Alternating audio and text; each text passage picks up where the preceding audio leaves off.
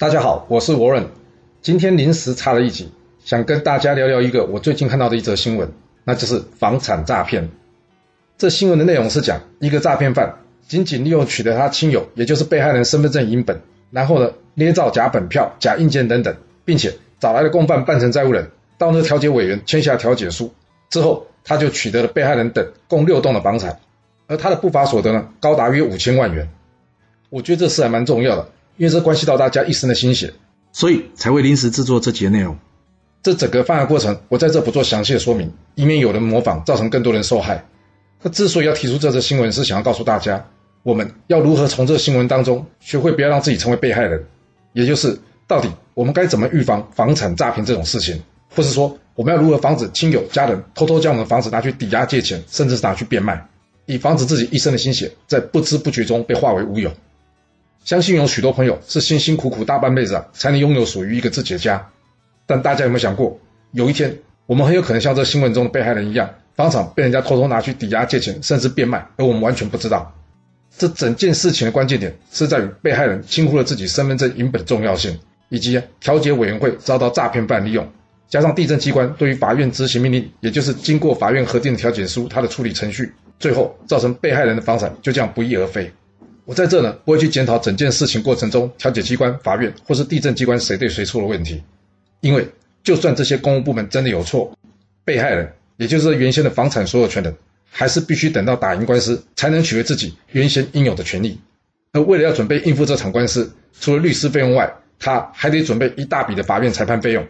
我算了一下，以这则新闻为例，光用五千万的损失计算，被害人想要透过法院取回房产。这一审要交给法院裁判费用大约是四十五点二万，要是运气不好，官司进行的不顺利，需要上诉的话，这二三审的裁判费用各为六十七点八万。换句话说，被害人很有可能需要额外准备一百八十点八万的裁判费用，而他的目的呢，只是为了要取回原先属于自己的财产。有没有搞错？要取回自己的东西，竟然还要另外花这么多钱？没有错，想要在发生问题之后拿回自己的财产，你。就是得花上这些时间跟这些金钱，而这些呢，都还没有加上想要告赢公部门的困难度。所以你觉得你是想要在事情发生之后花一大笔钱去告政府，去争取一个不确定会赢的官司，还是在事前尽可能避免这种事情发生？或许有人会说，那我可以告诈欺犯啊。是你当然可以告，但就算告赢，这已经被坏蛋处理到房产，你觉得你有可能拿得回来吗？千万不要期待从诈欺犯身上能找回自己的权益。那好，我们回归正题，我们该如何预防、避免这种事情的发生呢？想要降低这风险，我会建议大家替自己的房产锁上三道安全锁。第一道锁就是千万、千万、千万要谨慎使用自己的身份证，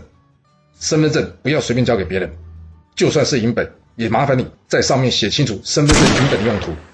这个观念虽然在很多地方都有宣导过，不过很可惜，到现在还是有许多人都没在注意。要知道，这可是保护你个人资产或是你个人隐私的第一道大门。你随便将这大门打开，那就会像是出门不关门或是不锁门一样。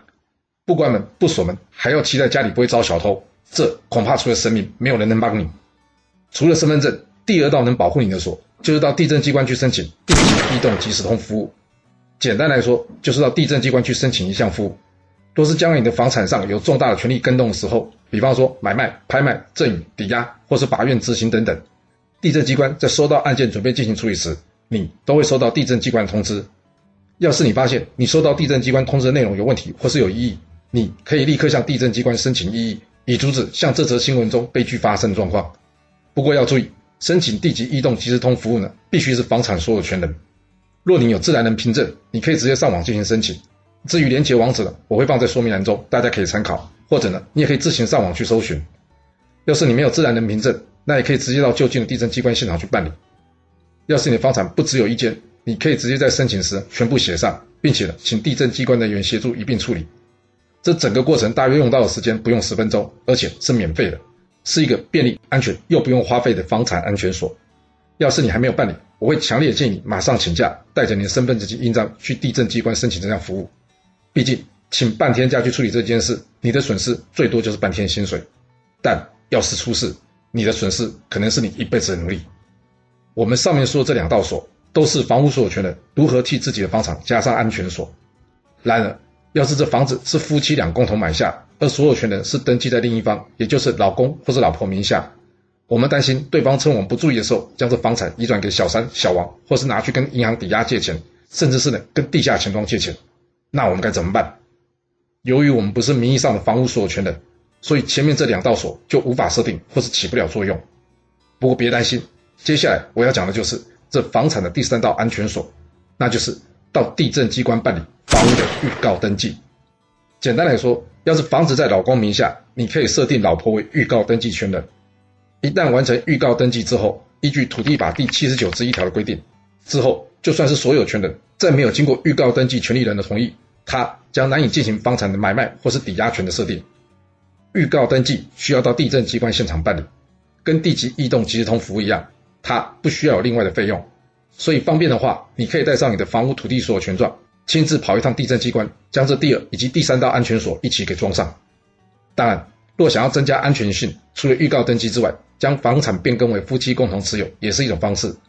因为这样是出问题的话，最大损失就只有一半。不过这种做法还需要你另一半能接受就是了，所以是不是可行，得视各家庭的实际状况来决定。